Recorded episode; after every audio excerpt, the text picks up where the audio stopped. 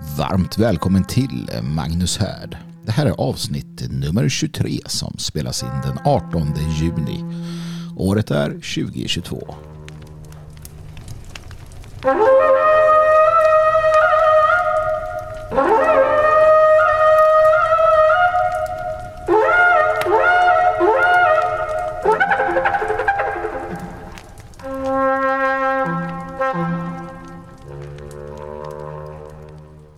Ja men välkommen ska just du vara till Magnus Härd den här fantastiska lördagen. Om det är så att du lyssnar på den samtidigt som, eller inte samtidigt som jag spelar in den. Det vore ju fullständigt omöjligt. Men eh, kanske i alla fall timmen efter eller två.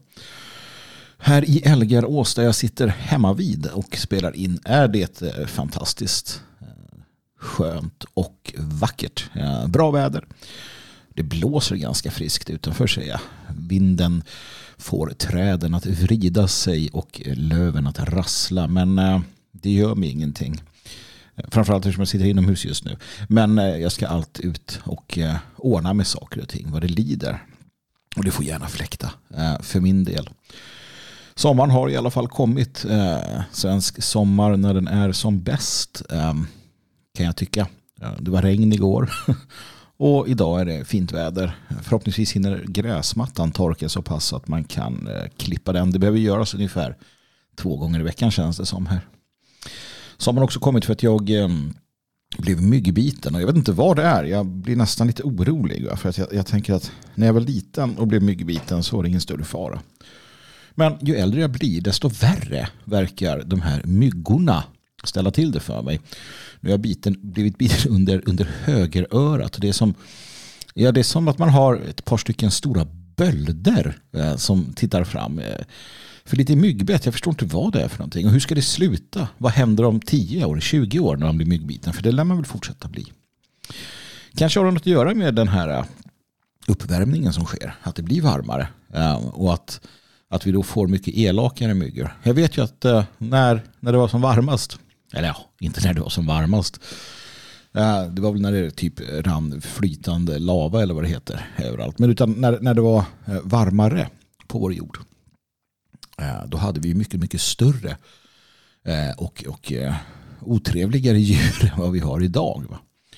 Så vem vet, det kanske är någon sån här prehistorisk flygmygga som är på väg tillbaka med, inte vet jag vad de har, olika otrevliga virus. Det är så det är. För eh, 8000 år sedan så var det 2-3 eh, grader varma, varmare i Sverige än vad det är eh, idag. Minns jag att jag läste. Och det var ju en fantastisk tid för människan här. Av, det, av de enkla skälen då att det växte mycket bättre. Att, att skördarna blev större och, och hela, den, hela den biten. Så att eh, helt uselt är det inte att det blir varmare. Sen eh, kommer ju otrevliga eh, sjukdomar och så med det naturligtvis. Vi får se vad som händer när tundran smälter. Och det gör den förr eller senare. Det är det här vi måste acceptera. Det är en stor del av att leva. Hörni. Det är att acceptera saker. Att acceptera att det är som det är.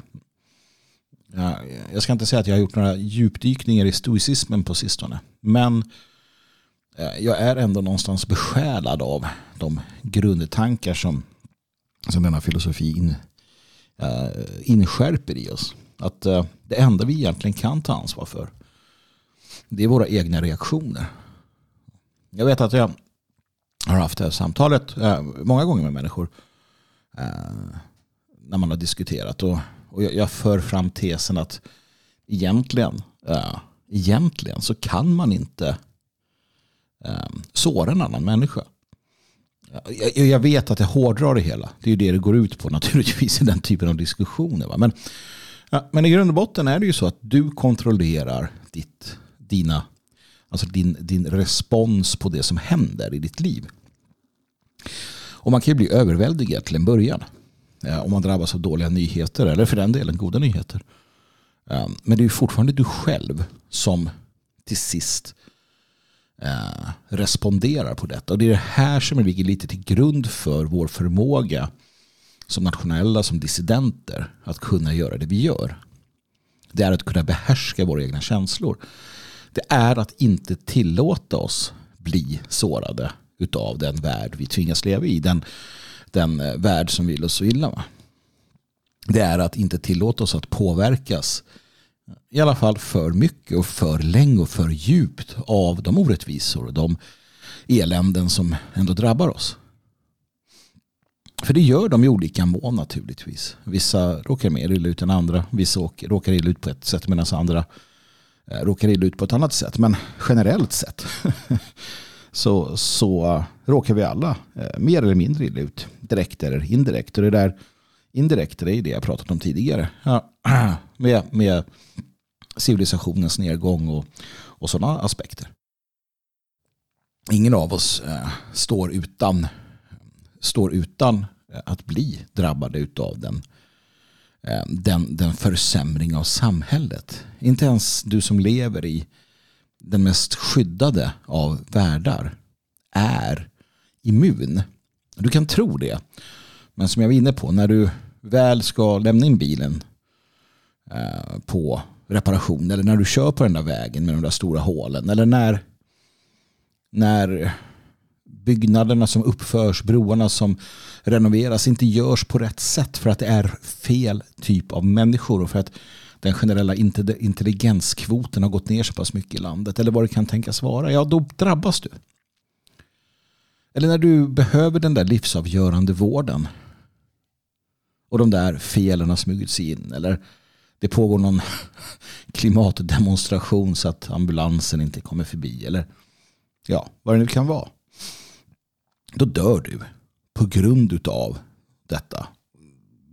Trots att du har levt hela ditt liv skyddad. Så att, att vara en del av en, en rörelse som vill något annat, som vill något bättre. Det är ju egentligen bara att, att leva enligt principen om självbevarelsedrift. Men se den verkar inte finnas i vilket fall som helst. Och det här måste väl vara den stora och avgörande saken om vi tittar till vårt samhälle det faktum att självbevarelsedriften eh, har försvagats i den milda grad att för många svenskar och för många europeer och för många vita människor bara lever för sig själva, sin njutning, eh, sin, sin egen, sitt eget uppfyllande eh, och inte som en del av en helhet. Man ser sig inte som en del av ett folk, en nation, ett, ett kollektiv av jämlikar där man har en uppgift att fylla. Det är smärtsamt uppenbart. Smärtsamt uppenbart att, att det är på det sättet. Och här, här kan vi inte göra särskilt mycket åt saken. Alltså, vi, kan inte, vi kan inte förmå människor att Alltså vi kan inte tvinga människor att ändra sig på de punkterna, såklart. Um, vi, vi pratar om generationer som har fostrats in på ett visst sätt. Så att där står vi oss hyfsat slätt. Va? Utan det vi kan göra är att på olika sätt och vis påpeka uh, Eh, de uppenbara absurditeterna eller bristerna eller problemen med detta. Framförallt kan vi leva ett annat liv. Vi kan göra andra saker. Vi kan tyvärr, eh, eller vi är tyvärr tvungna att lämna dem lite därhän. Genom att, att skapa egna strukturer och egna, egna sammanhang där, där vi och där livet och där livet, kärleken, hoppet och, och vad du vill kan frodas. Och när jag pratar om det här, nu börjar jag le. Jag har varit på lite, jag har inte varit helt sådär glad eh, senaste dagarna. Av olika skäl. Men, men när jag pratar om det här, då börjar jag le igen. för, att, för att det här är så viktigt på ett så, så mycket högre plan. Det transcenderar det privata personliga. Och för min del är det liksom eh, det, det, är i, i slutändan det som är det viktiga. Det vill säga det som, det som transcenderar det privata personliga. Det lilla. Jag, jag, jag, jag, vill, jag vill leva ett bra liv. Det är inte det jag säger. Eh, jag tycker om att leva och jag, jag vill gärna vara lycklig. Och jag vill eh, dela den lyckan. Eh, men i grund och botten så är det plikten. och det är det jag kommer till varenda gång. Och, och Nordström med flera av de eh, tänkarna har rätt i detta. Och utav den respons jag får från flera av er som lyssnar så är vi en, en, en ständigt växande skara som också så ser detta och känner detta. Eh, vikten av plikten helt enkelt. Jag kommer återkomma lite till, till detta lite längre fram här idag. Eh, pliktens pris. För det finns ett sånt. Eh, och det ska man veta om. Och jag vill inte att någon av er identifierar med härdens folk. Identifierar med, med de, de uppoffringar som eller söker de uppoffringar som krävs utan att förstå vad man ger sig in i. För det är viktigt att veta. Det är absolut viktigt att veta. Mm. Jag eh, noterade en nyhet som kom. som gör saker och ting. Alltså, eh, livet har sina upp och nedgångar. Eh, man är glad och lycklig. Sen är man mindre glad och lycklig och sen förhoppningsvis så kommer man tillbaka eh, upp där igen. Eh, och man vet aldrig riktigt vad som kommer hända eller hur det kommer se ut. Men en sak kan man alltid vara säker på det är att våra politiker eh, inte kommer svika oss när det gäller att ställa till med dumheter. Och det jag åsyftar nu är en, en nyhet från mitt i, säger den har börjat spridas på sociala eh, medier. Och ja, men, ni, ni vet alla vilken, alltså, ni vet vilka tider vi lever i. Eller hur? Ja. Ni är precis som jag fullständigt medvetna om vilka tider vi lever i. Med, med ekonomiska problem, vi har inflationen, vi har krig i närområdet. Um, vi har skjutningar en mass. Vi har oro, vi har sjukvårdskris. Alltså ta, ta, ta vilken samhällelig social institution som helst och sätt kris bakom den så har du den där.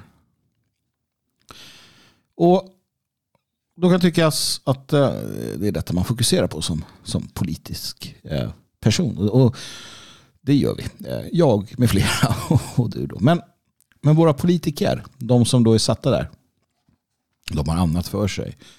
Till exempel att Stockholm ska få jämställda cykelbanor. Ja, för att cykelbanorna är inte jämställda. Faktum är att det är ganska intressant. Man läser sedermera i den här artikeln att, att det är fler kvinnor än män som cyklar. Så det är väldigt ojämställt i utfallet. Här kanske vi borde kvotera in eh, män alternativt förhindra att kvinnor cyklar så vi får ett, jämnt, ett jämställt cyklande. Fast det är inte det det betyder. Jämställdhet betyder ju matriarkat. Och det är det här vi måste komma ihåg. Ju fler kvinnor vi har som cyklar eller i bolagsstyrelser desto mer jämställt är det. Om du har en styrelse med 100% kvinnor då är den 100% jämställd. Det handlar inte eh, om att det ska vara lika. Alltså, det här är ju en stor, ett stort fel många gör. Inklusive många godhjärtade kvinnor som, som, som eh, med all rätt också naturligtvis i många fall eh, kräver respekt och kräver eh, möjligheter. Vill kunna visa att de att de kan såklart. Mm. Men det de också missar när de tittar på detta det är att de är med i ett sjukt spel som är dikterat ovanifrån kommet som går ut på att splittra folket och att skapa en total ojämställdhet genom att lura i oss att idén om jämställdhet går ut på att det är ett matriarkat. Vilket Eh, det, det allt mer förvandlas till. Och jag för egen del är ju för kompetens. Eh, det tycker jag är det viktiga. Eh, och jag har eh, under många år tillsammans med mina kära kollegor lyft fram starka kvinnliga Eh, förebilder för våra kvinnliga lyssnare. Sådana som Berta Benz till exempel. Eller drottning Boudica i, i gamla, gamla Storbritannien, gamla England. Kristina Gyllenstierna, Brända av ären. Du har många, många fler. Du har eh, ja, naturligtvis fastnar jag ofta vid härförare och liknande. Men, men du har ju andra som har stuckit ut under historiens gång av egen kraft. Och, och det har varit naturligtvis färre av Eh, det täcka könet som gör det av uppenbara, av uppenbara biologiska skäl. Men icke förty så är det. Det man har idag är en process som pågår som går ut på att eh, förmå oss alla att acceptera att jämställdhet är eh, ett, ett undanskuffande av, av eh, ett undanskuffande av och förminskande av männen. Så det är ett folksplittrande eh, projekt som pågår och är du en del av den här feminismen då är du en del av folksplittrandet. Så är det bara. Kommer icke ifrån detta. Eh, och nu ska då Stockholm få jämställda cykelbanor och det ska man då få genom att symbolen som markerar i asfalten att det är en cykelbana ska förändras. Det har nämligen alltid varit en herrcykel. En herrcykel med den mening då, och det här är lite taskigt. Jag har alltid upplevt det som ganska taskigt att en herrcykel ska vara en sån där cykel med högt jävla insteg. Jag vet inte hur många gånger man har drasat ner, alltså speciellt när man var yngre och cyklade runt, har drasat ner och mosat eh, eh, sina ädlare delar på den där förbannade stången. Vad sjutton gör den där? Vad har den för syfte? När det finns fantastiska bra cyklar med väldigt, väldigt lågt insteg, så kallade damcyklar. Va? Ja, och jag vet väl att det har någon, någon idé om eh, kjol och byxa och sådär säkert. Eller jag vet inte vad. Men eh, för egen del eh, så kan ju då kvinnfolket gärna få ta cyklar med högt jävla insteg. Eh, om de nu tycker det skulle vara en, en, en framgång för jämställdheten och låta oss män ha dem med lågt insteg. Eh, skulle inte göra mig ett dugg om detta blev modet. Eh, Eh, eller att man helt sonika eh, utvecklar cyklar med lågt insteg eftersom de är bra mycket trevligare att klättra upp på. Nåväl. Ni ser, jag är, liksom själv, jag är emot själva konceptet av dam och herrcyklar i den meningen att, att det måste vara på ett visst sätt. Jag, jag, barn och vuxencyklar köper jag, det har ju med storlek att göra. Men dam och herrcyklar är för mig ett, ett ganska meningslöst, eh, en ganska meningslös um, separation av, av cykelkonstruktion. Eh, den kunde man få skippa för min del. Det har jag inga problem med. Men man gör det till en grej istället. För nu ska man då jämställa cykelbanorna genom att ändra på symboliken här då. Här står en bild med en eh, tant. Eh, en tant som står och ska bränna bort en cykelbana. Tanten heter Daniel Helldén, Miljöpartiet. Och, och, och, den här tanten då, eh, manstanten eller tantmannen Daniel Helldén är miljöpartist. Han är väl någon kommun, eh, ja jag vet inte, någonting. Eh, det är inte första gången han är ute och eh, och härjar. Men han säger i alla fall till mitt i att trots att det är fler kvinnor än män som cyklar har cykelsymbolerna hittills varit herrcyklar. Nu får Stockholm äntligen jämställda cykelbanor. Han, han är trafikborgarråd. Eh, Eh, tant Daniel Helldén. Och han var själv på plats eh, för att bränna fast symbolen på gatan. Miljöpartiet står här och poserar framför en kamera med en tänd gasolbrännare. Gasol är en drivhus. Jag behöver inte prata om det. Ni förstår själva hur dumt det är. Om man säger att han tar i eh, äh, äh, Helldén här när han ska hålla i den här gasolbrännaren. Mm. Dam och herrcykelsymbolerna kommer i fortsättningen användas parallellt i Stockholm. Han, han, ser också framför sig i sin vision att det här kommer spridas över landet.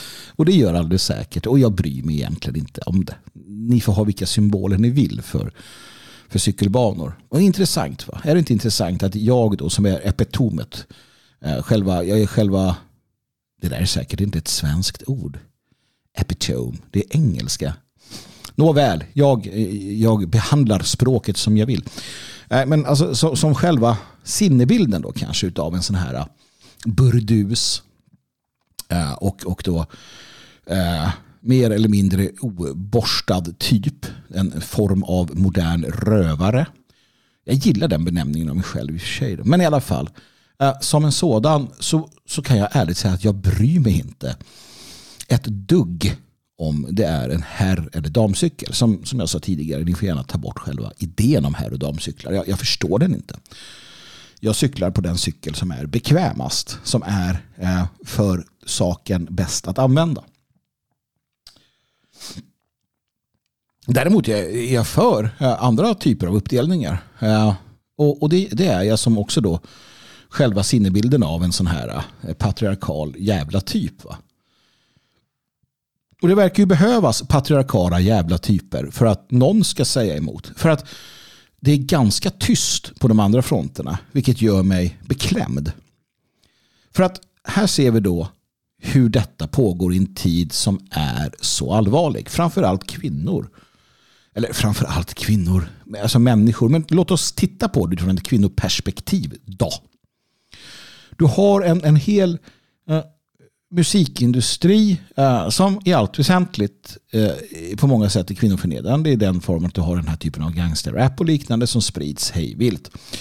Eh, du har exempel efter exempel efter exempel hur de här eh, utlänningarna i förorterna beter sig, behandlar, talar om och på olika sätt och vis eh, projicerar eh, nidbilder av kvinnor.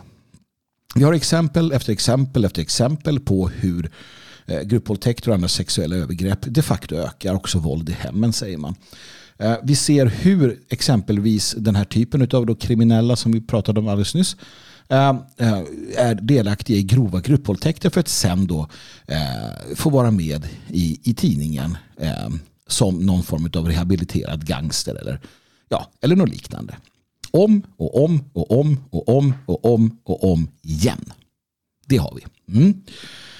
Eh, vi kan fortsätta se hur liksom, eh, hur, hur, detta, hur detta slår hårt. Och, och, kvinnor drabbas definitivt. Flickor drabbas definitivt illa. Och vad gör era förkämpar? Och när jag säger era så menar jag inte eh, mina, mina, kära, mina kära lyssnarsystrar. Eh, ni som tillhör den här oppositionen. För jag vet att ni är annorlunda.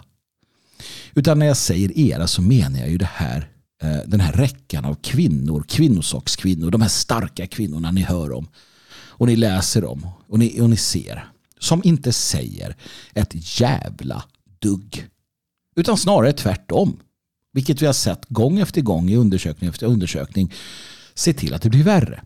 Kvinnor röstar vänster, det vill säga mot otrygghet, mot otrygghet mot sig själva. De röstar för att sina medsystrar, sina döttrar, sina Eh, sina äldre kvinnor ska få det sämre konstant och hela tiden. Det är väldigt, väldigt tydligt. De röstar för att så kallat då, eh, patriarkala, men jag skulle kalla bara främmande kulturer ska få fotfäste i detta land. Religioner som utan tvekan är kvinnoförnedrande och kvinnoförtryckande. Det röstar kvinnor för och sen kallar ni oss för toxiskt maskulina. Men far då åt helvete. Och det är det här som är problemet med den, med den uppdelning som kommer av samhället. För det är ganska upprörande. Och jag vet själv, jag är man, jag är nationalist. Och det är svårt. Det är, för att säga, extremt demoraliserande att se hur våra kvinnor vill ha detta. Och vi vet att det kommer sluta med gråt och tandagnissel. Och vi vet att vi i många fall kommer få vara där och plocka upp bitarna. Och det är så det är. För att medan kvinnosakskvinnorna applåderar att man byter symboler på cykelbanor så pågår omskapandet av Sverige eh, på de sätt som det gör. Och då är det också intressant att höra hur man resonerar. Det här kan vara Sveriges framtida statsminister. Jag vet inte, men det skulle inte förvåna mig om eh, Lisa Nobo, ordförande för Socialdemokraternas ungdomsförbund SSU, eh, kommer bli det en vacker dag. Och hur resonerar hon i de här frågorna? Det är en fråga vi kan ställa oss. Ehm, när vi tittar på kriminalitet, när vi tittar på den här typen av våld som, som drabbar vårt samhälle Eh, och som definitivt slår mot svaga. Och som definitivt slår mot det täckiga könet. I den form av den toxiska maskuliniteten som borde då frodas bland kriminella. Och hur tänker då Lisa eh, Nobo, denna starka kvinnosakskvinna, en av dessa starka kvinnor eh, som, som företräder andra starka kvinnor och som kommer röstas till makten av de starka kvinnorna. Hur tänker hon om detta? Jo, hon tänker så här. Vad säger de kriminella själva? Ja, det är ju inte fler poliser eller strängare straff som kommer att förhindra att nya brott begås i den utsträckning vi vill. Men, men är, det de kriminella, är det verkligen de kriminella man ska lyssna på när det gäller eh, hur, hur den här utvecklingen ska brytas? Så att säga? Ja, men då får du ju svaret, varför har du valt att begå det här brottet? Ja. De kriminella säger ju att de inte vill ha fler poliser. Eh, nej, vi kanske ska avveckla våldtäktsutredningarna då, och ta bort fler poliser.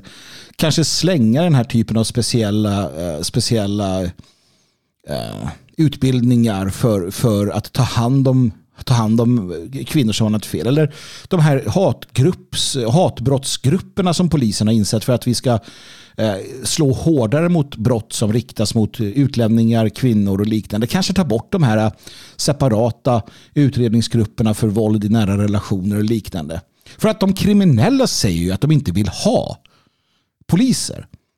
Kvinnomisshandlarna vill väl inte ha poliser? Ja, då kanske de slutar misshandla för att det är de kriminella som ska få avgöra detta. Enligt då den starka kvinnan Lisa Nobo. Jag blir så ledsen. Jag blir så fruktansvärt ledsen av att konstant utsättas för detta. Utsättas för detta i, i den mån att jag behöver se och höra våra kvinnor göra allt de kan våra kvinnor i förlängningen återigen. Allt de kan för att dra elände över sig själva. Jag och Björn hade ett program om detta på dag, eh, Dagens Vegot, eh, tror jag det var, här för en tid sedan. Varför vill kvinnor sig själva så illa? Uh, och jag, jag, jag minns en gång när jag arbetade, jag minns en gång när jag arbetade, hur låter inte det? Jag minns en gång när jag var ute på ett arbete i Ska vi se. Var det Alby kanske? Utanför Stockholm, någon sån där förort där de har en, en moské. Ja, och det var i samband med att det var några demonstrationer och sådär. Och då kunde jag se ja, hur eh, mot eller, eh, eh, det var några som skulle skydda moskén och då efter terrordåd. Jag vet inte vad det var, men det var så, så typiskt att se då att där hade du då muselmanerna naturligtvis. Då invandrarkillarna från förorten. För deras kvinnor fick inte vara med och demonstrera. Deras kvinnor håller käften någonstans, eller hur? Men som i första ledet så stod de där. Yngre och äldre kvinnor, svenskar. Som stod där och det brann i deras ögon för att de skulle försvara dessa muslimska män. Fy fan. Och det, det är ett hugg i, i bröstet. Det är ett hugg i, i ryggen detta. Um, för att det, det, det, är direkt moraliserande som man och som då försvarare av folket. För det är vi som är det i det första ledet. Jag, jag har inga, inga betänkligheter. Kvinnorna är en del i vår eh, opposition. De ska vara en del, del av vår opposition. Jag, jag ställer krav på att de ska vara det också.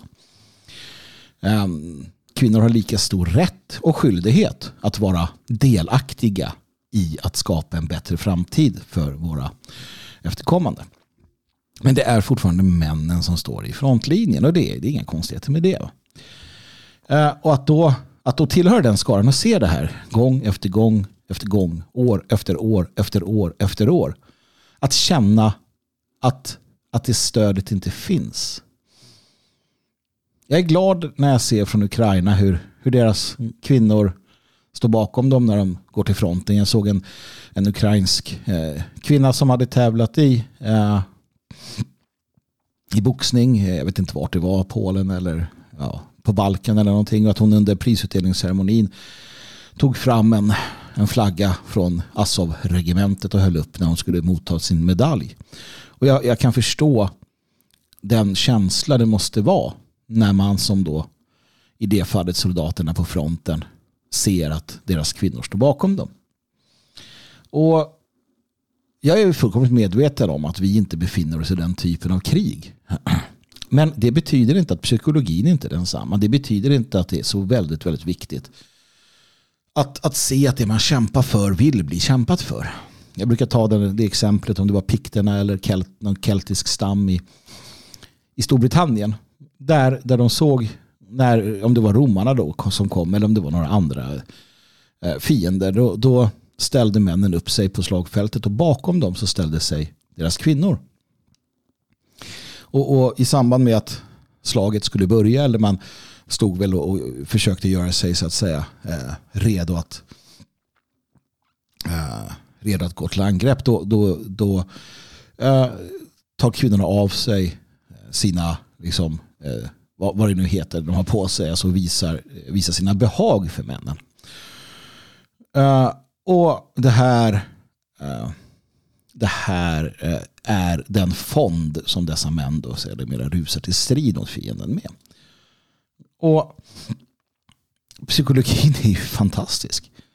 De vet för vad de slåss. Kvinnorna är väldigt tydliga. Att det här, om ni förlorar, då är det det här som de här fienderna kommer ta.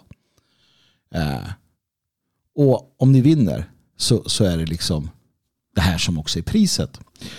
Eh, män får man att slåss för. Eh, och det är, väl, det är väl, förutom de som gör det för heder och ära så är det guld och, och kvinnor och, och liksom sådana saker. Och det, det är som det är med den saken också. Men alldeles oavsett. Och det är det som gör det så sorgligt. Jag blir, jag blir ledsen på riktigt när en sån som Lisa Novo står och säger de här sakerna. Det, det, det är jobbigt. Det är sorgligt. Um, och där har ni orsaken till. Om ni nu undrade varför vissa krafter har pushat för Eh, den här feministiska liksom, revolutionen. Och att det här sker i, i slutet på 60 början på 70-talet i samband med att alla andra stora förändringar sker i Sverige till det sämre. Om ni undrar varför, ja då är det på grund av detta. För att idag har vi en enorm splittring mellan män och kvinnor. Där männen, där, där kvinnorna ser ner på till stor del föraktar och, och äh, blir främlingar. Alltså ser, ser männen som främlingar. Man förstår inte riktigt varandra och så vidare. och så vidare. Eh, man ställer krav på män som ibland kanske inte är så lätta för dem att uppfylla och så vidare. Och tvärtom då. Männen ser, eh, ser och hamnar i fiendeskap med, med sina kvinnor. Eh, av, av, olika skäl på samma sätt där. Då, då. Där, där man, där man upplever oförrätter och vad det kan vara. Och, och, det spelar ingen roll vad man tycker om det här. Utan här handlar det bara om att förstå att det är så. Uh, man kan tycka att det finns uh, en gås att plocka med den ena eller den andra. Man kan tycka att det är jättebra att männen um, blir mer, uh, får mer insikt om sina känsloliv. Att, att de på olika sätt och vis växer som sig själva, absolut. Och, och det finns helt klart orättvisor som, som rättas till. Och, och så. Det finns alltid det mellan folk. Men det som händer idag är ju en, en en, en splittring eh, där vi ser hur eh, eh, den fördjupas hela tiden. Och bland annat i de undersökningar som har skett vad gäller partisympatier och, och, och höger-vänster så ser man att kvinnor är majoriteten vänster, männen är då majoriteten höger i en enkel eh, form av analys. Kvinnor kommer fortsätta rösta för massinvandring, mångkultur, eh, den stora starka staten, fri abort, Ehm, och, och liksom hela den här räcken utav då, eh, så kallade liberala eller då eh, vänsterliberala värderingar. Medan eh, svenska män i allt väsentligt går åt andra hållet. Och vad tror ni det leder till? Vad tror ni det leder till? Ja, det ser ni ju. Det ser ni ju. Och, och det finns liksom ingen, det finns ingen, ska jag säga, det finns ingen väg tillbaka.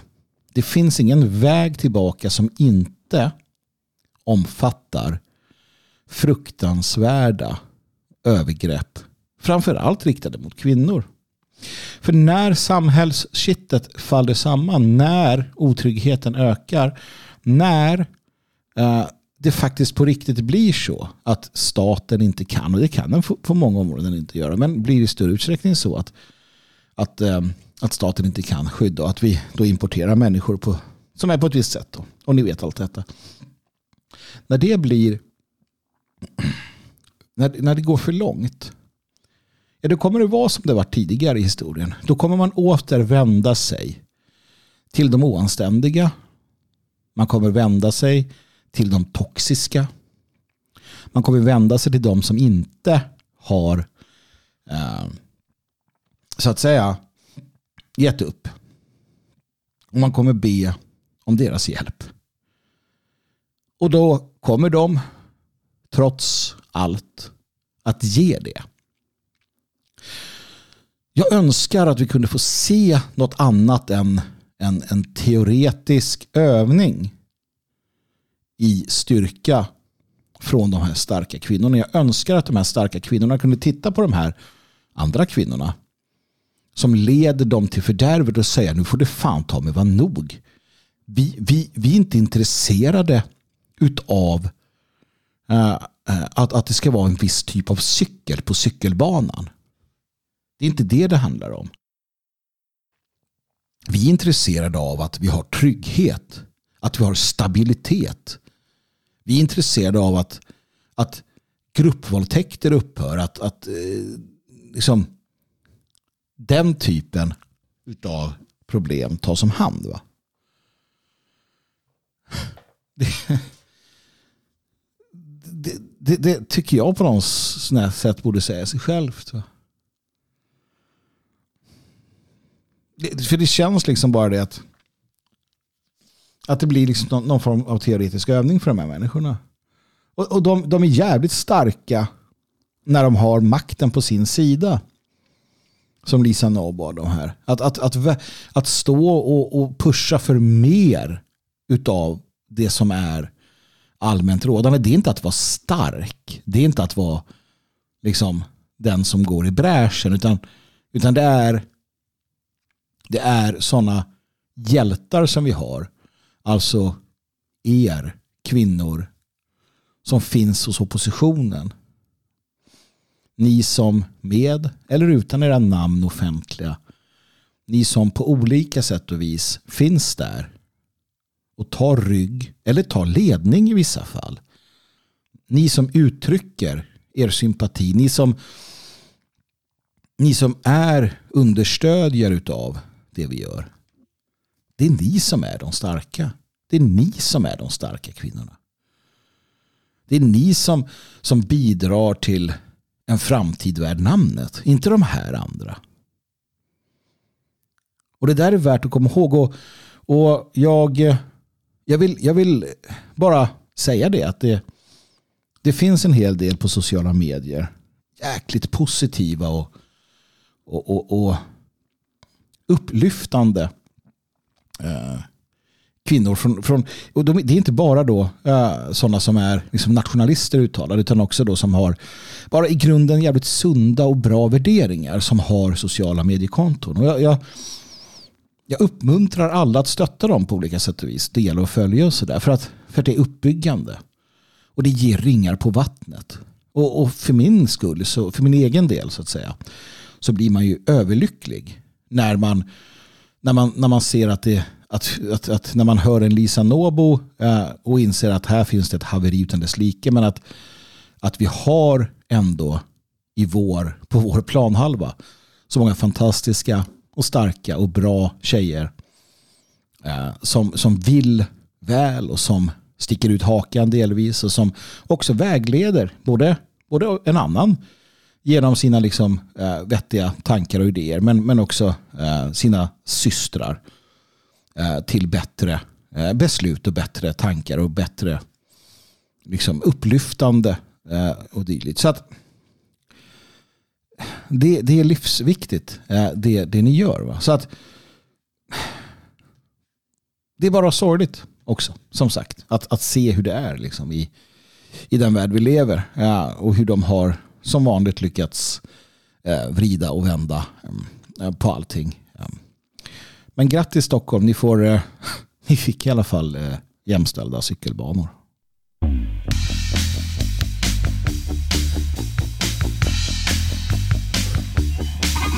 Mm.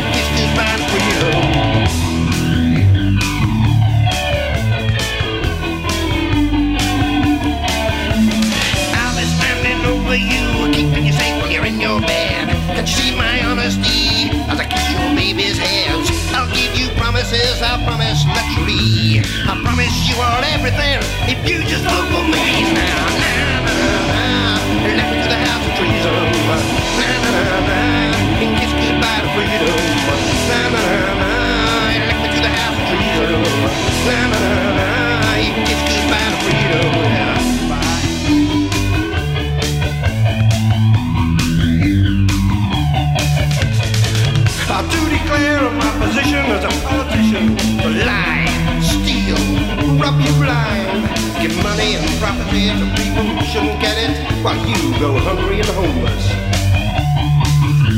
I also declare that I will do my best to bring this once great nation down to the ground and make it into some sort of second-rate banana republic.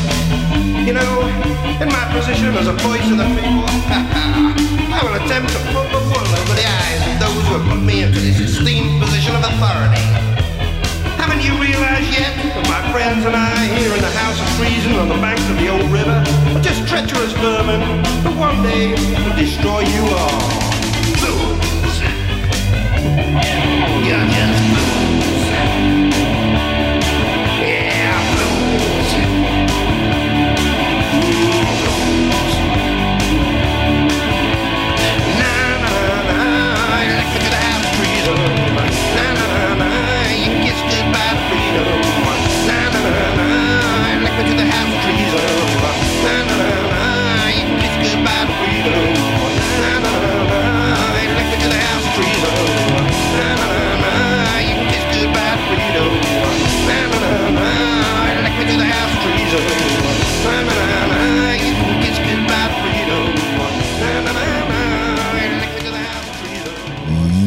Elect Me to the House of Treason eh, sjunger Ian Stewart, Screwdriver. Ja, de är avskum, är de inte det, kära vänner? Eh, politikerna, vilket pack det är som vi tvingas ha att göra med som eh, sitter där och, och säger att de har vårt bästa inför sina ögon. Men det har de icke. Musiken spelades i samarbete med Midgård, midgardshop.com och liberplay.se. Libeplay där du kan streama bra nationalistisk musik och Midgard Shop, Midgard med två am där du kan köpa eh, samma sorts musik som vi bland annat lyssnade på. Uh, och det här var då eh, Screwdriver, det var Hail Victory-skivan, den senaste, sista som kom 93 eller något sånt där när den kom ut.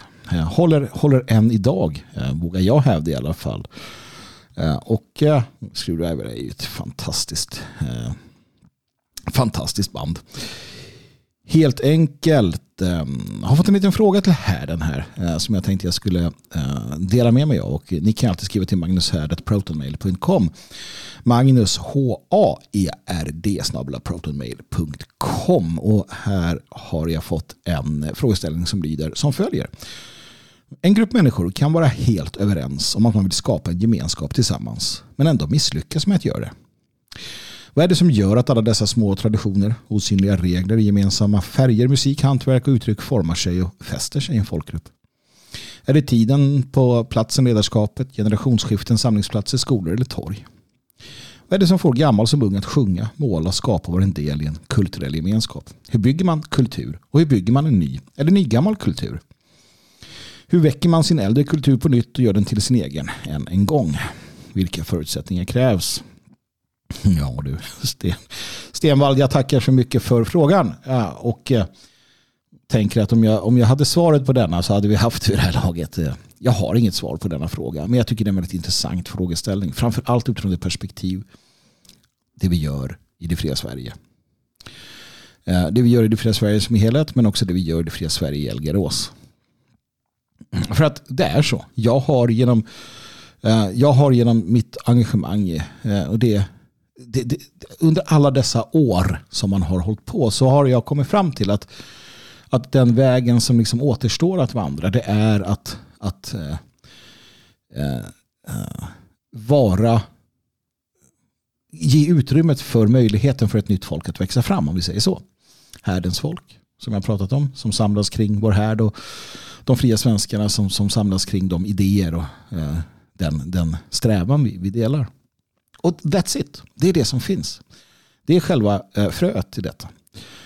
Och det kan vara, som eh, han skriver här, att man kan vara helt överens om en massa saker och ändå så funkar det inte. Eh, och vad beror det på? Ja, jag vet inte. Det, det jag vet, eller det jag tror, det är att de germanska, de germanska dygderna någonstans måste ligga till grund. Alltså, vi måste låta oss vara oss själva. Vi måste bli eh, besatta utav idén. Eh, vi måste bli genom... Alltså vi måste känna på djupet att det är det här vi vill. Det är ett, det är ett första steg såklart. Och med ett par sådana eldsjälar så kan det få ringa på vattnet. Det kan växa sig starkt. Eh, och lite beroende på yttre omständigheter naturligtvis så kan det ta sig i olika former. Och, det handlar om att leva. Det handlar om att leva på det sättet. Eh, traditioner, osynliga regler, gemensamma färger, musik, hantverk. Ja, men det handlar om att leva detta. Det handlar om att skapa förutsättningarna. Det är det som vi vill göra här. Jag vill göra här i, i Elgerås. Jag vill skapa förutsättningarna för människor att kunna leva som fria svenskar. Vart det än tar dem. Det kan ta dem in i hantverket eller musiken eller, eller på något annat sätt den kulturen kommer ju inifrån. Den, den, den fria svenska kulturen kommer inifrån och kommer ha väldigt stora delar av den svenska kulturen i sig. Men vi måste ha en katalysator för detta, en vilja. Men det handlar också om att låta det vara väldigt, väldigt löst. Eh, att, att, att man, man formar sig kring, formulerar sig kring vissa grundläggande idéer. Och och sen låter man den fria tanken, fria viljan eh, löpa fritt. I det lilla så intar man nästan en, en libertariansk hållning. Jag, jag, jag brukar ibland för skojs skull kalla mig frihetlig fascist. Och det för jag inser båda, bådas nödvändighet. Det vill säga det frihetliga i det lilla. Att du ska kunna sitta på din tomt och Eh, utöva din kultur eller vad du nu gör utan att naturligtvis skada andra. Men att det i grunden finns en gemensam eh, eh, en gemensam alltså att vi har en grund som är järnhård. Det vill säga den, den, den fascistiska idén om ett kollektiv som upprätthåller ett våldsmonopol som ser till att den egna det, det egna kan, eh, eh, kan försvaras. Men att det inom detta eh, tillåts en, en, en väldig frihet. Alltså frihetlig fascist. Eller en narkofascist om man nu så vill det. Det handlar om att, att, att föreningen till exempel eller den kollektiva viljan för oss fria nationalister, fria, fria svenskar i Elgarås, den går inte ut på att, att hämma varandras ja, olika uttryckssätt i konst och kultur och tro. Jag vill se hur hedningen och den kristna bor bredvid varandra och respekterar varandra utifrån blodet. Och där ska det finnas en, en, en, en enorm, ett enormt socialt tryck för att det är så det fungerar. Alltså det, den järnhårda fascismen eh, Eh, som, som tvingar oss att tillåta olikheterna i den mån det skulle då behövas jag tror på det här. Jag tror att det fungerar. Um, och jag, jag, är rätt säker på att det är så det har fungerat. Uh, byalaget har varit den, den här fascistiska staten medan människorna har varit om, omhuldat en, en, en, eh, om vi säger då en nationalistisk och en social idé i, i, det lilla, i den lilla bygden. Man tog hand om varandra. Man, hade, man hade lojaliteten till bygden, till det lilla, till det kollektiva. Men det fanns vissa järnhårda lagar man inte satte sig emot. Och, och det är då det fungerar. Jag har, tagit, jag, har tagit, jag har förklarat tidigare symboliken med Fatches till exempel. Med, med, med Vasakärven, med kärven, med sädeskärven. Där varje sädesstrå, heter det, varje, varje strå är bräckligt och ostyrigt. En hög med, om du, om du häller ut en hög med hö eh, bara i en stor, stor hög så är den helt bångstyrig och hopplös. Va? Hopplös att transportera, hopplös att och, och, och, få. Men om du binder alla dessa samman Om du binder hundratals höstrån eh, till en kärve så är den kärven hård. Den är, den är lätt att arbeta med. Den är lätt att förflytta. Eh, och den, den står emot eh, våld. Men den är fortfarande uppbyggd av individuella strån. Och där har vi det. Um, jag tror att det man måste göra är att leva. Leva det man tror på. Och det är för få som gör det. Eh, av olika skäl. Vissa kommer liksom inte undan. Men, men det är ju så att de flesta av oss på ett eller annat sätt kan leva mycket, mycket mer som vi känner och tror. Och tänker och vill. Vi ska inte följa den, den, den liksom liberaldemokratiska strömmen. Att man måste göra vissa saker. Man, man måste göra det som får en själv att må bättre. Det måste man. Man måste göra det som man ser är gagnenligt för sitt folk. Men man måste inte göra det som den sociala konsensus kräver av en. Vansinne. Det är ju här särlingarna, eleganten ifrån vidderna kommer fram och blir någon form av vägvisare inom rimlighetens gränser naturligtvis. Men, men, men, men så är det ju. Och det krävs. Och när tillräckligt många gör det, ja men då får världen stå där ute och peka på oss och säga vad är det här för vad är det här för typer? Ja, peka på ni för att vi lever fullödiga liv som, som vi uppskattar.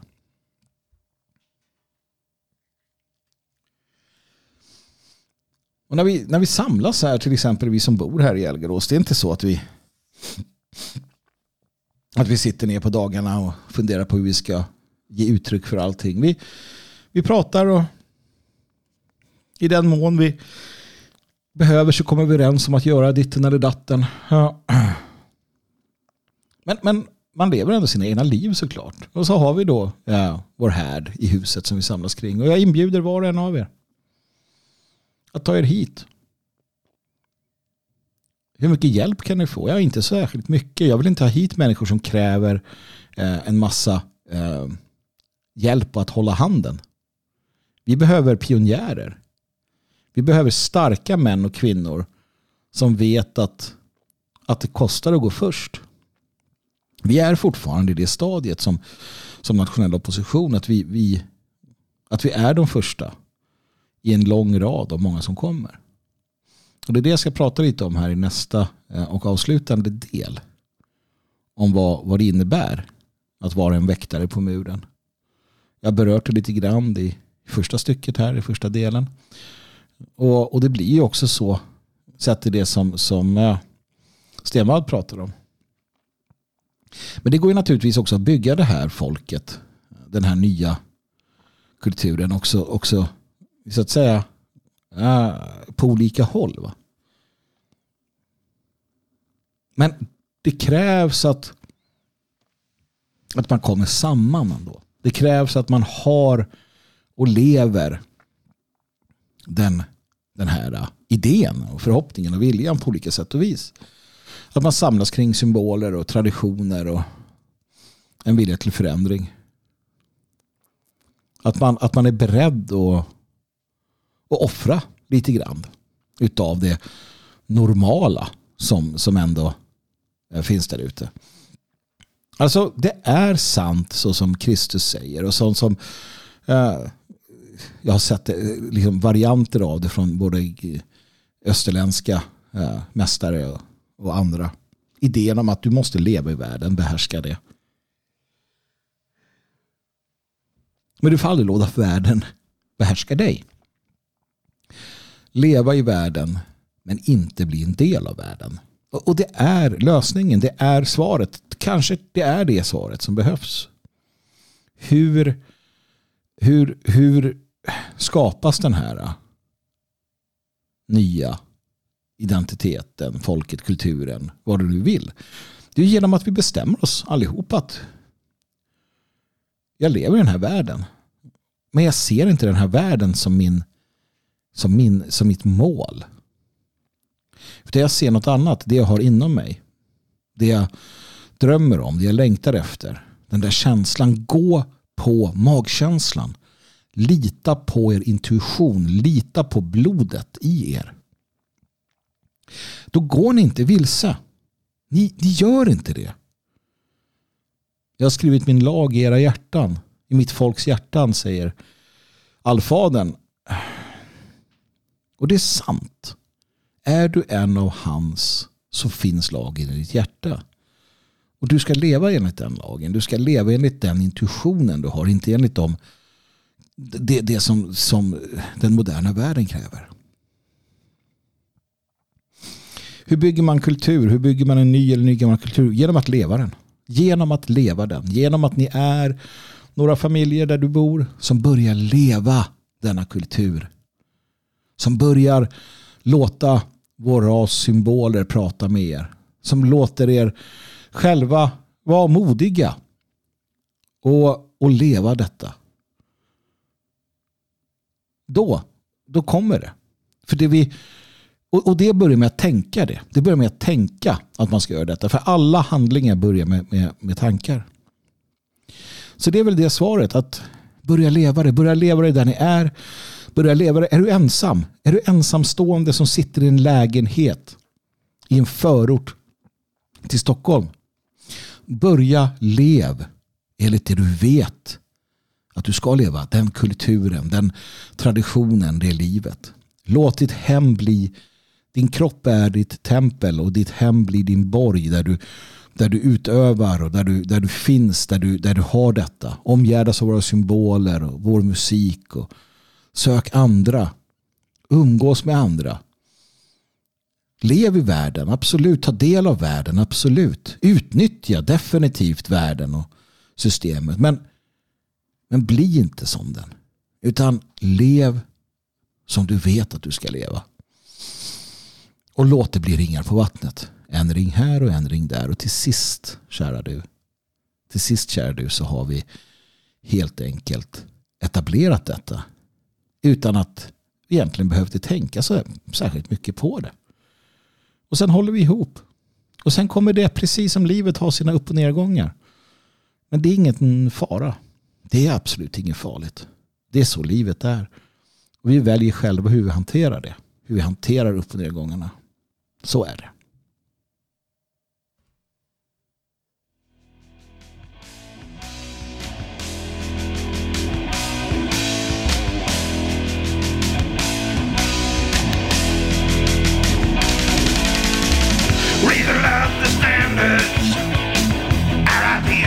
march before us, joining the chorus of our rousing battle of our mighty nation waking. Far ahead the tread of our comrades marching on. Can't hear the sound of our European battle song. Can't hear the sound of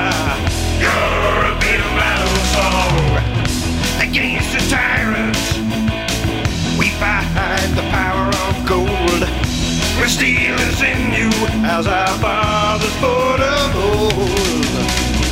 The land echoes our grand triumphant shout. The night of want is breaking, and they will see their rout. Can't hear the sound of our European battle song. Can't you hear the sound of our European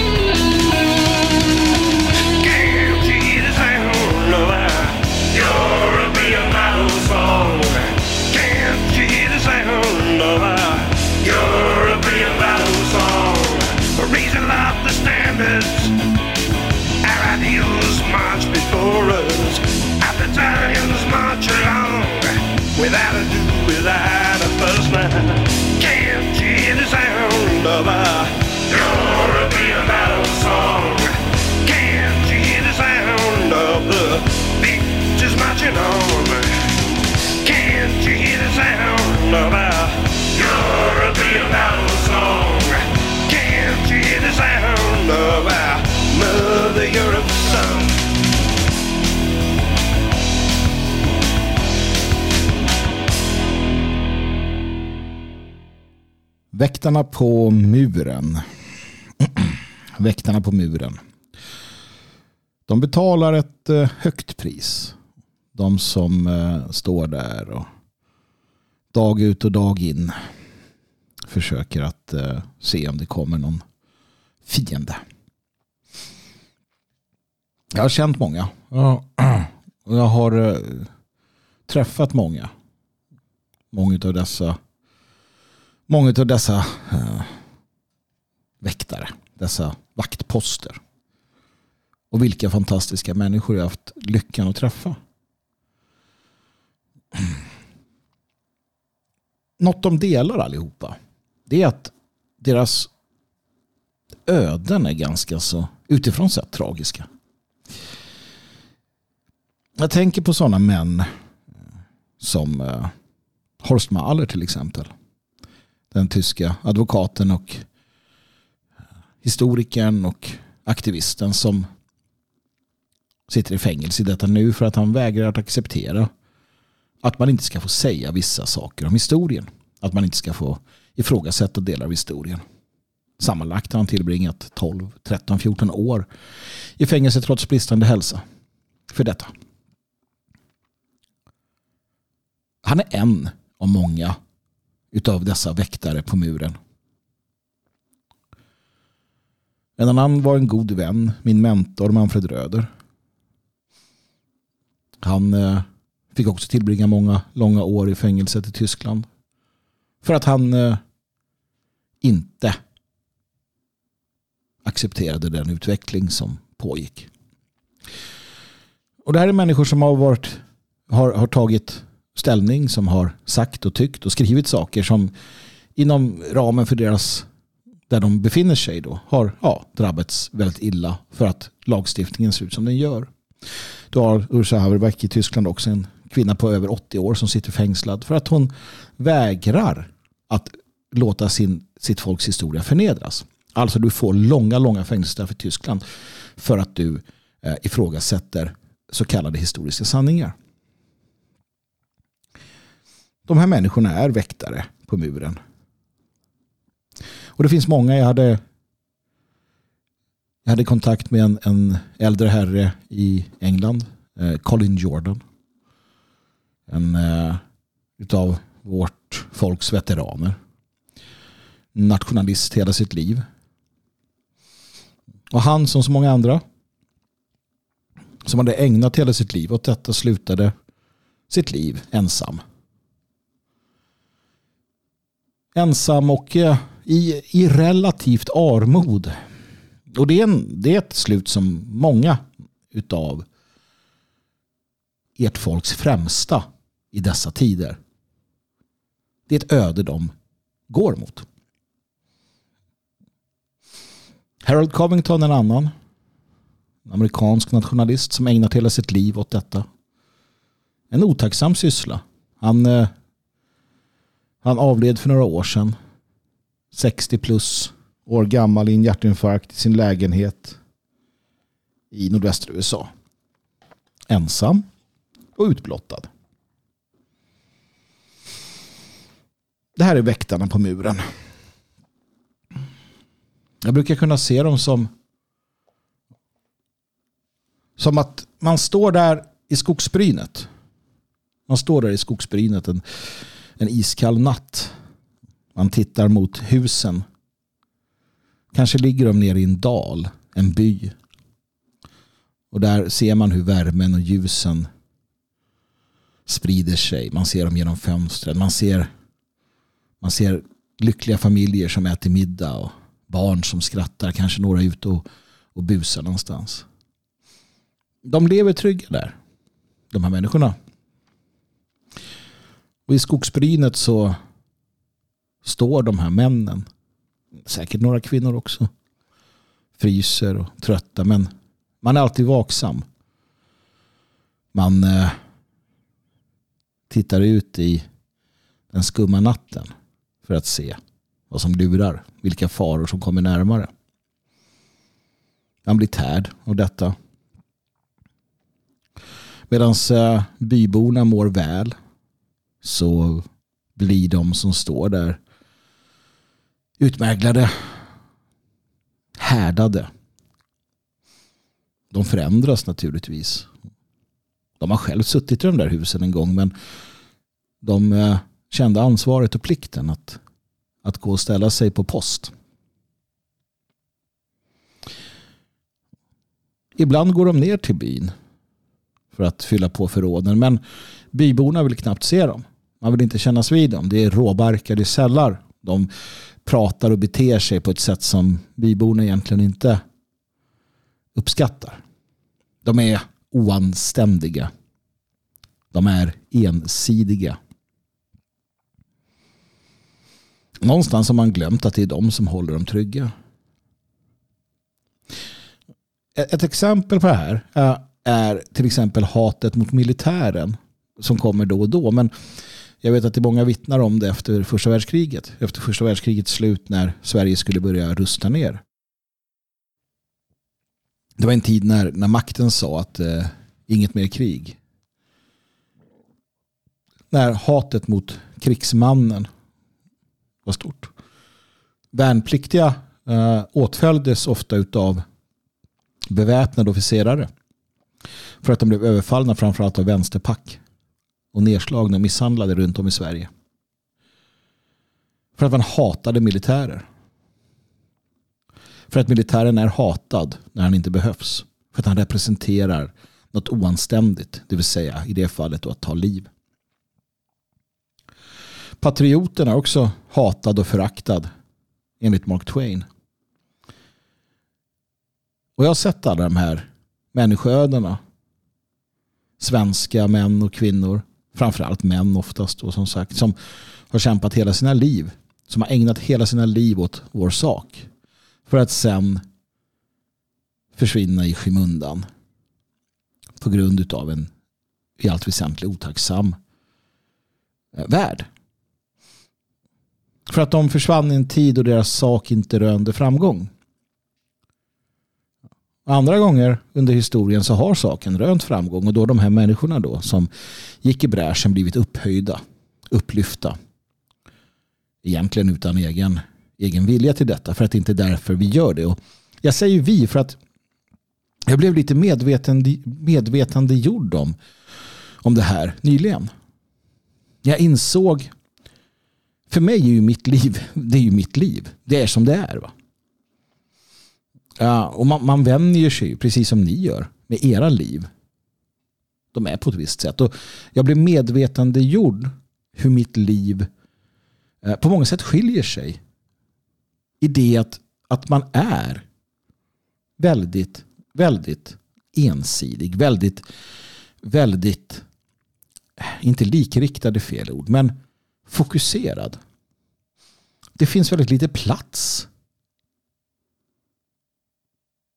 för annat än det som så att säga är de här ödesfrågorna som man har ägnat, i mitt fall ägnat då mitt liv sedan jag var 12-13 åt. Och man inser att, att det är ett pris som måste betalas.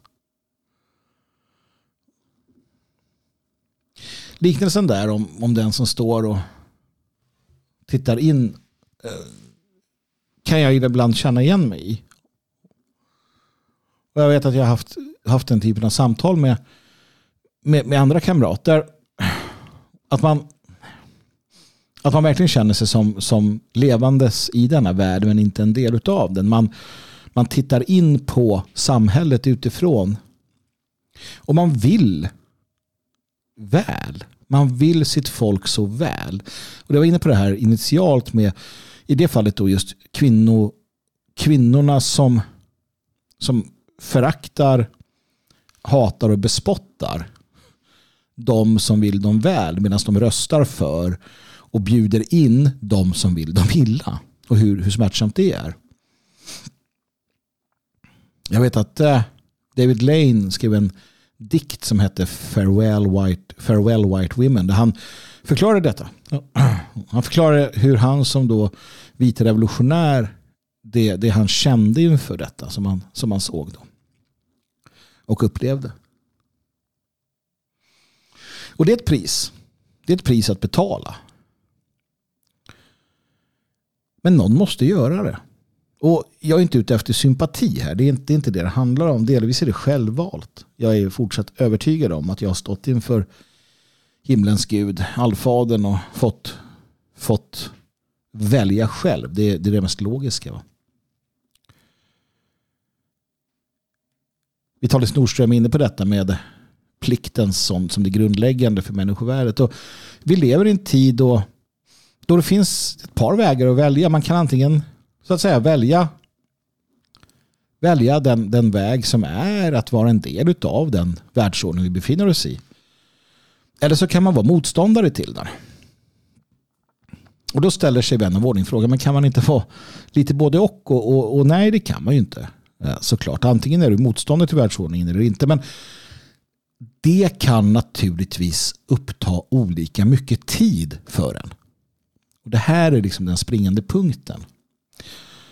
Jag har aldrig valt att bli den jag är på det sättet, rent medvetet. Att, att, att min tid mer och mer då går åt att, att, att göra det jag gör. Utan det, det sker successivt. Medan andra människor, de, och jag har goda vänner. Um, och, och de flesta av er har också det här att, att ni har en massa andra saker för er. Vilket är helt okej. Okay. Jag vill återigen understryka detta. Man har olika fritidsintressen, man har sitt arbete, sin familj, släkt och vänner och, och så vidare och så vidare och så vidare. Litteratur och film och vad det nu kan vara, musik, man går på konserter och, och så. Och det var det som jag blev så smärtsamt varse om att, att jag själv egentligen inte har. Att man är väldigt ensidig på detta. Man står där i skogsbrynet och tittar ut. Och det kan tyckas förmätet, men lite grann man står där för att så många andra ska slippa göra det. Det är det som är att tjäna. Det är det som är att göra sin plikt. Sin, att göra sin plikt som, som man och som far. Som eh, de sjunger i Frågor till far. Och, och helt plötsligt så blir du då i detta och det här det, det är det som jag har sett hos så många äldre kamrater. I och med att du gör det så blir du fjärmad från dem du tjänar. De du vill så väl. Du blir fjärmad från dem du vill väl. Som sagt, du, du blir den där oanständiga lymmeln, den där typen som inte alls passar in i, i, det, i det sociala eller andra sammanhang som du faktiskt gör allt för att upprätthålla. I David Lanes fall så, så menade han på det att han, han, han gjorde det han gjorde för att bevara den, som han sa, ariska kvinnans skönhet och de vita barnen för framtiden. Men som han sa, den ariska kvinnans skönhet, de vill inte veta av mig. och det är, det är en bitter, en bitter eh, erfarenhet att dra. Eh, som, som han sa när han satt i, i fängelse. Han, eh, han kunde se, som han sa, hur, hur så här svarta massmördare eller eh, Black Panthers, svarta rasister, de fick, de fick eh, högar med brev från vita kvinnor som ville stötta deras kamp medan han själv då som vit nationalist typ inte fick något. Och det, det var väl bitter, en bitter erfarenhet som han stoiskt ändå kunde hantera. Jag vet att jag skrev lite mer om de här sakerna då. Så, att, så är det. Jag, jag, jag har suttit ner med gamla kämpar, sådana som deltog i det stora, stora kriget 45 eh, tidigare där. Och, och även andra som, som har varit liksom eh, väldigt, väldigt um, självuppoffrande. Och, och man inser de pris som måste betalas av vissa för att andra ska slippa. Och det är det det handlar om. Precis som att vi idag ser då hur hur, eh, soldaterna vid fronten i Ukraina, de, de, de måste ta den smällen för att andra ska slippa göra det. Och det där är också en intressant frågeställning. Varför gör man som man gör och så vidare. Och jag vet att många av er som lyssnar, ni, ni, ni, ni, ni är ju också där. Där ni, där, ni, där ni gör uppoffringar hela tiden. Ni gör uppoffringar för att kunna vara så effektiva och så framgångsrika som möjligt för vår saks skull. Vad är det för fel på oss? Hörrni? det är inget fel på oss. Vi gör vår plikt. Va? Men som sagt, det var intressant att bli varse detta. Och, och jag, jag, jag ska väl säga att det vore ju det, det är en bra idé. Och det här riktar jag till er alla. Det är en bra idé att faktiskt hålla någon form av normalitet i sina liv också. Man ska inte rusa åstad. Jag, jag, jag rekommenderar ingen att, eh, att göra som jag själv. Eller att göra, för jag har inte gjort det. Att, att bli på det sättet. Alltså att, att låta det att låta detta på, på, på, på så sätt bli allt. Det rekommenderar jag inte. Utan balans mina vänner. Det är det jag vill komma till. Balans. Att, att ta permis från den där skogsdungen. Att gå ner i byn och umgås med ditt folk. Att eh, inte bara uppslukas av plikten. Att inte bara uppslukas av det du känner är någon form av ödesbestämdhet. För det är det vi känner, eller hur? Utan att, att våga balansera ut dig. Att, att våga förstå att du inte blir en sämre vaktpost bara för att du går därifrån. Naturligtvis efter att ha gjort klart för dina kamrater att du lämnar på permission. Annars är du en oduglig vaktpost som borde skjutas. Men att hålla normaliteten i ditt liv. Att, att det finns annat. För att gör man inte det så blir det svårt. Och det är det jag har sett också hos så många kamrater. Som jag berättar om där. Lever sina liv ganska ensamt till slutändan när, när liksom ja, kraften eh, mer sinar och liknande. Ha människor kring er. Och visa respekt för dem som väljer den vägen. Och det är väl det till då byborna. Ha överseende med väktarna. De eh, gör det för er skull. Va? De kräver inte särskilt mycket heller. Kan jag säga. Men ha lite förståelse. Jag vet hur värdefullt det var för Manfred Röder till exempel. Eller för Colin Jordan. Att ha kontakter med de nya generationerna. I mitt fall då jag själv. Jag minns jag satt i timmar och pratade med med Manfred Röder i hans arbetsrum. Han fick berätta om sitt liv. Och jag lärde mig mycket av det. Jag vet hur, hur, hur viktigt det var när vi åkte dit ett helt gäng och eh, ett blandad, en blandad skara av kamrater, tjejer och killar. Och hur, hur, glad han var över att bli uppmärksammad, att få ett litet enkelt tack och en kram utav, utav några. Jag vet hur David Lane uppskattade de, de brev han då fick från det täckarkönet. Där. Och, och, det var inget konstigt med det. Det var gifta kvinnor ärbara på alla sätt och vis som bara tackade för, för det han hade gjort. Va? Korsmaler. Att få, att få veta att det spelar roll. Liksom. Det är vår förbannade plikt. Vår förbannade skyldighet att, att se på de här människorna som är vägröjare, som är väktarna. De som, de som gör saker så att vi slipper och ger dem någonting för det.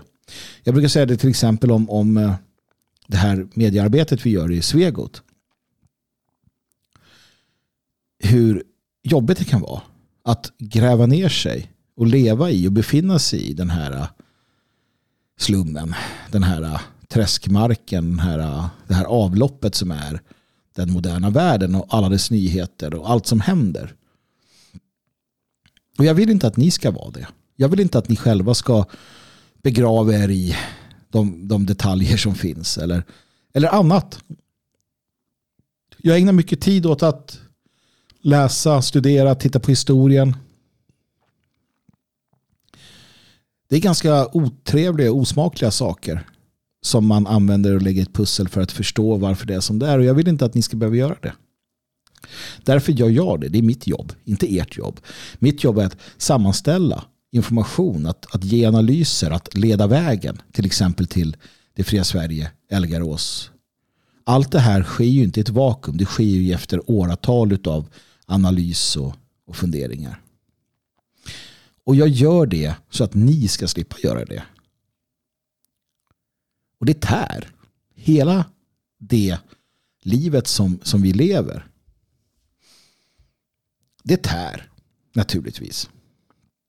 Och vi offrar en del. Så att ni ska slippa offra det. Jag, jag vill att ni förstår det. Jag vill att man har det som, som grundtanke. Återigen, jag är inte intresserad av medkänsla på det sättet eller liksom sympati eller, eller så utan bara en förståelse för jag skriver om det här till Vän för Norden de olika aspekterna utav vår, utav vår, vår eh, opposition. Vart hör man hemma? I arriärgardet? Eller bland de offentliga på barrikaden? Vart hör man hemma? Och jag menar att du måste ta reda på det själv. Och sen måste du när du väl förstår det så måste du se vad är din roll och vad du gör och hur du gör den på bästa sätt. Och jag som en av de högst ansvariga för det fria Sverige jag har alla medlemmarnas väl och ve som min första prioritet. Det är vad jag tänker på. Det är vad jag funderar på. Det är hur ska vi göra det här bättre för er? Vad kan vi göra? Samma sak med medien. Att alla prenumeranter, alla ni som stöttar. Hur gör vi det här så bra som möjligt så att ni får så mycket som möjligt av detta? Och samtidigt då strategier och funderingar kring hur når vi ut till fler människor? Hur kan vi närma oss fler människor? Och för att kunna göra det här effektivt så, så, så offrar man saker. Man försummar saker. Och det är som sagt självvalt och, och man bör inte försumma för mycket. Men vi behöver också benägen hjälp naturligtvis. Och det är det här som är den här dansen som vi gör tillsammans. Vi formar den här, den här rörelsen, den här oppositionen, allt vi gör tillsammans. Då.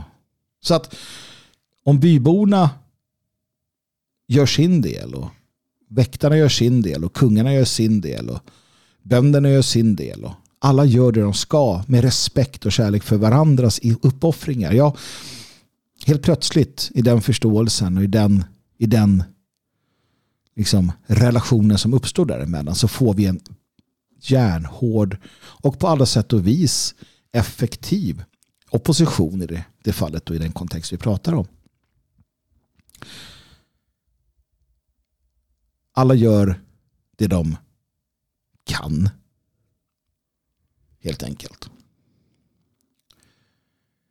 Och som sagt, de här väktarna på muren, de som har gått före oss, de, de stora män och kvinnor som osjälviskt har tjänat vår sak. De ska vi vårda. Vi ska minnas dem, vi ska minnas deras namn. Vi ska en gång om året höja en skål till deras ära. För det förtjänar de. För de bad aldrig om någonting. Utan de gjorde det de gjorde för att de var tvungna att göra det. Så låt oss minnas dem. Låt oss alltid ha deras offer och deras liv i åtanke. Sist av allt, kära lyssnare, så vill jag tacka Roger, Emma och Anonym för benägen donation till härden. 123 510 5762 kan du swisha till om du vill eh, sätta in en slant. Var det bra det jag gjorde idag eller var det dåligt? Jag vet inte men eh, en penninggåva är ett sätt att säga att eh, jo då, det här uppskattades. Så naturligtvis skriv till magnushärd.protonmail.com um, ehm, Frågor, funderingar etc. Uppskattar dikter som sänds. Eh, innehåll. Jag vill dela med mig. Jag vill att härdens folk får komma till uttryck. Ett stort tack för att ni har lyssnat och som sagt Roger, Emma och Anonym tack så hemskt mycket för era donationer. Svegot.se, detfriasverige.se och logik.se ska ni naturligtvis besöka av olika skäl. Och glöm nu inte, hörrni, ni, glöm nu inte livets mening. Slåss med troll, befria prinsessor, döda varulvar. Det är att leva det. Och sist men inte minst, ge aldrig upp.